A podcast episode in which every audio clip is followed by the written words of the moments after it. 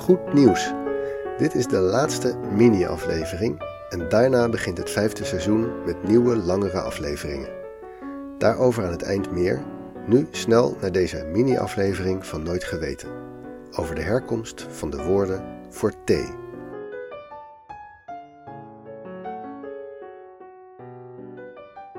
Er zijn ongeveer 200 talen in de wereld die door meer dan een miljoen mensen gesproken worden. Die talen hebben een soort onderlinge familieband. Duits en Nederlands zijn duidelijk familie en we delen sommige woorden met elkaar. Hand bijvoorbeeld. In het Spaans is dat een heel ander woord, la mano, terwijl Spaans en Nederlands toch familie van elkaar zijn. Het zijn allebei Indo-Europese talen.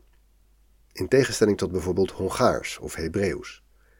Vandaag wil ik het hebben over een woord dat in heel veel talen hetzelfde is ook in talen die nauwelijks een relatie met elkaar hebben. Het gaat om het woord thee, van de drank, een, een kopje thee. Er zijn een paar uitzonderingen, maar grosso modo gebruiken alle talen op de wereld maar drie verschillende woorden voor thee, namelijk thee, chai en cha.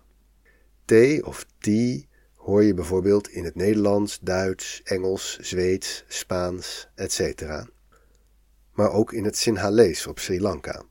Dan is er het woord chai of shai. Dat hoor je in het Turks, Arabisch, maar ook in het Grieks, het Russisch, het Persisch, het Hindi, het Mongools en ga zo maar door. En dan is er nog cha. Dat kom je tegen in China, in zowel het Mandarijn als het Kantonees, maar ook in Japan, Korea, in het Koerdisch, het Somali en in het Portugees. Dat is heel bijzonder, dat je voor zo'n gewoon ding als thee over de hele wereld terecht kan met maar een paar verschillende woorden. Meestal zie je dat alleen bij merknamen zoals Coca-Cola en misschien met jargon uit een bepaald beroep. Hoe is dat zo gekomen? In grote lijnen komt dat door hoe de thee de wereld heeft veroverd. De plant kwam oorspronkelijk uit Zuidoost-Azië, het zuidelijkste randje van China en de noordkant van Myanmar en Thailand.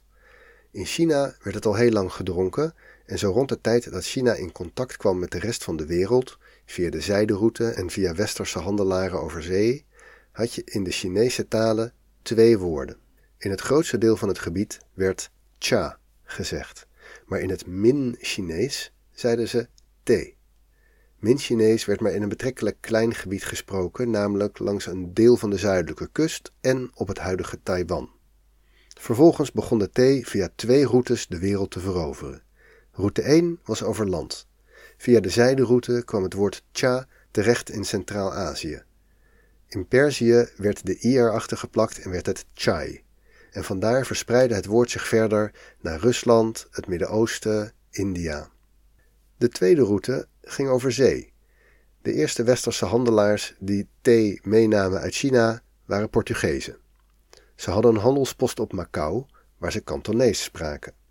Dus namen de Portugezen ook het woord cha mee naar Portugal. Daarna kwamen de Nederlanders. Die hadden hun belangrijkste handelspost op Taiwan, dat we toen nog Formosa noemden. En daar spreken ze dus Min-Chinees. En dus kwamen de Nederlanders terug in Europa met blaadjes die ze thee noemden. Ze namen het mee langs al hun handelsposten, zoals op Java en Sri Lanka, en uiteindelijk naar Europa.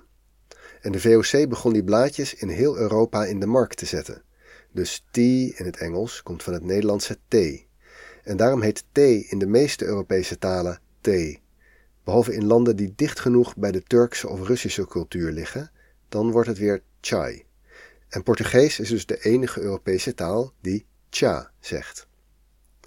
Tegenwoordig heb je ook wel taalgebieden die de ene term gebruiken om gewoon thee te zeggen en dan de andere gebruiken voor iets heel specifieks. Zo denken Amerikanen dat chai een bepaald soort kruidige thee is die in India bekend is als masala chai. En dan zijn er nog een paar plekken waar ze geen van drieën zeggen. In de eerste plaats zijn dat talen uit het gebied waar ze de thee niet uit China hebben gekregen, maar altijd al hadden. In talen zoals het Burmees en het Thai en met name in een aantal kleinere talen uit die regio hebben ze een diversiteit aan woorden voor thee. En de tweede uitzondering is meer een historisch toeval. In het Pools, het Litouws, het Wit-Russisch en ook in een deel van Oekraïne zeggen ze herbata of herbata. Dat schijnen ze ook van de Nederlandse handelaren opgepikt te hebben, die herba thee zeiden, theebladeren. Maar buiten Polen en Litouwen kun je dus altijd gokken op chai, thee of chai en meestal krijg je dan gewoon een kopje thee.